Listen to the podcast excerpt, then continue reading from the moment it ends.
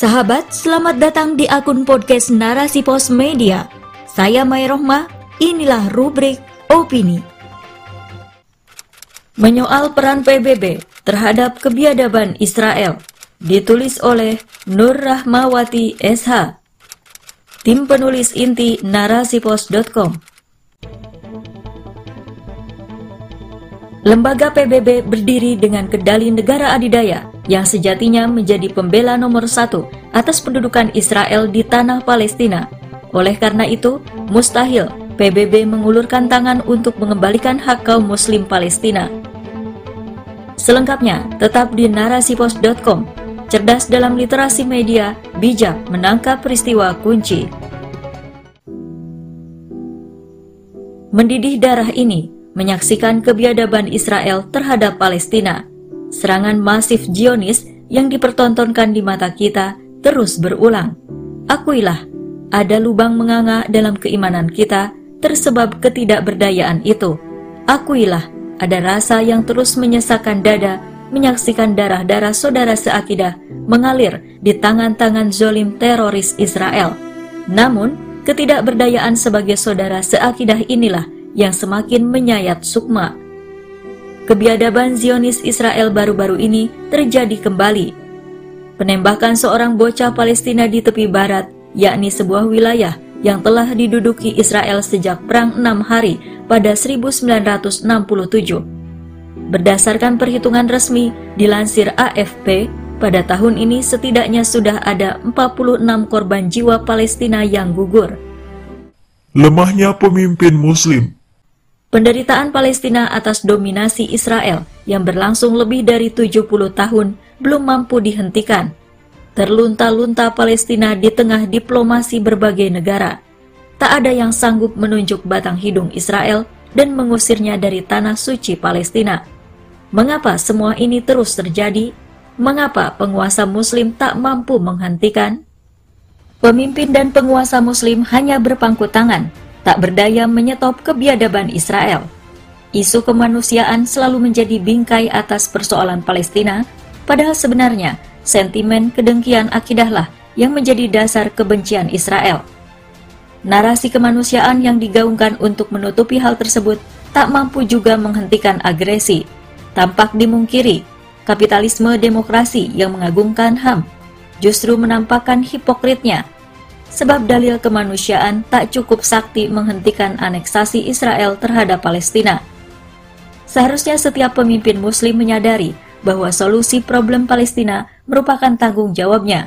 Caranya dengan bersatu mengirimkan pasukan militer untuk menyudahi kebiadaban Israel. Sebab tak cukup jika hanya mengecam, memberi bantuan kemanusiaan, mengadakan perjanjian damai, menyokong, apalagi bergantung pada PBB yang nyatanya secara historis memiliki andil atas lepasnya Baitul Maqdis dari tangan umat Islam. Pun adanya sekat nasionalisme yang mengikis ukhuwah Islamiyah makin memperparah keadaan umat Islam secara keseluruhan termasuk Palestina. Inilah salah satu sebab hingga kini penjajahan Israel atas Palestina masih menghantui karena lemahnya pemimpin muslim. Selain itu, lembaga PBB berdiri dengan kendali negara adidaya yang sejatinya menjadi pembela nomor satu atas pendudukan Israel di tanah Palestina. Oleh karena itu, mustahil PBB mengulurkan tangan untuk mengembalikan hak kaum muslim Palestina. Islam, solusi bebaskan Palestina.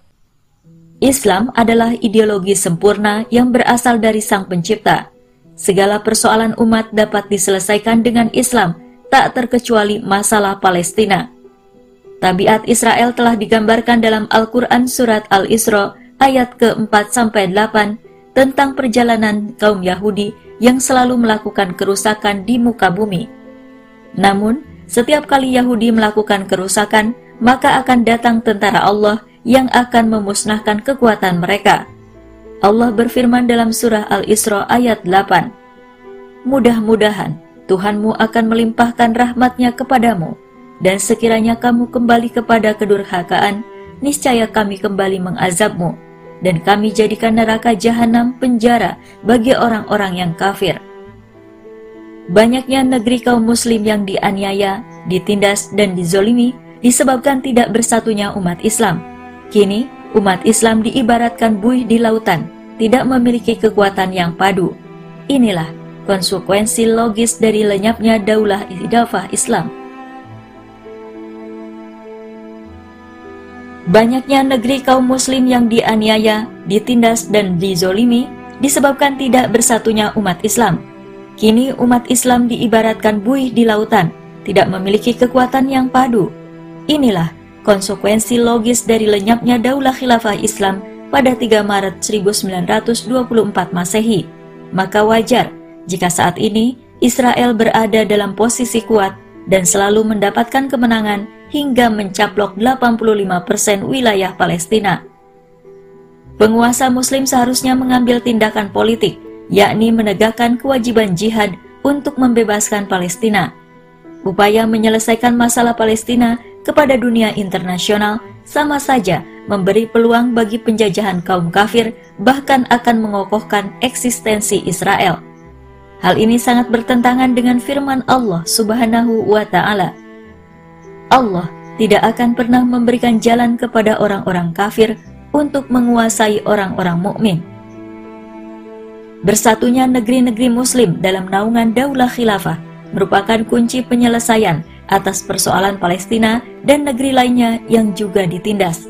Sejarah pernah membuktikan Palestina sukses ditaklukkan dari kekuasaan kaum Nasrani dengan jihad.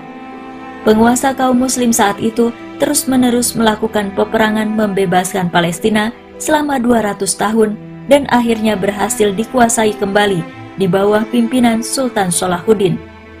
Oleh karenanya, keadaan Palestina tidak jauh berbeda. Mustahil membebaskan Palestina dari cengkraman Zionis Israel saat ini kecuali dengan mengerahkan kekuatan pasukan yang luar biasa di bawah komando Amirul Mukminin. Wallahu a'lam bishawab. Sahabat, itulah opini kali ini. Konten ini bisa Anda baca secara gratis. Silahkan kunjungi www.narasipos.com. Terima kasih telah mendengarkan. Saya Maya Rohmah. Sampai jumpa di episode berikutnya. Narasi Pos, cerdas dalam literasi media, bijak menangkap peristiwa kunci.